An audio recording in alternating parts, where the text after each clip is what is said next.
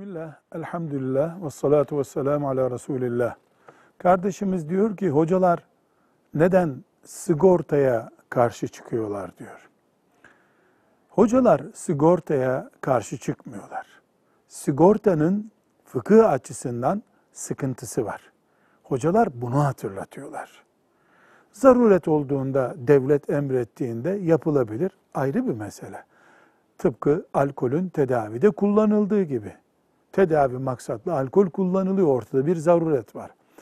Biz sigortaya karşı çıkılma nedenini üç noktada görüyoruz. Birincisi sigorta ihtimalli bir alışveriştir. Bir taraf muhakkak e, kar etmeyecek. Bir taraf sadece kar edecek. Mesela kaza sigortasında bir taraf mesela firma, sigorta yapan firma o sene hiçbir şekilde zarar etmeyip o para ona kar kalabilir, aksi de olabilir. Bu ihtimal fıkıh açısından bir risk.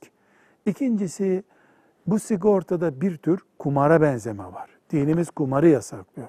Üçüncü olarak da bütün dünyada sigorta firmaları bankaların alt kuruluşlarıdır. Yani faize açık bir hizmet vardır.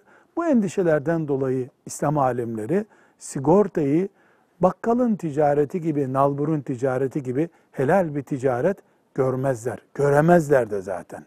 Velhamdülillahi Rabbil Alemin.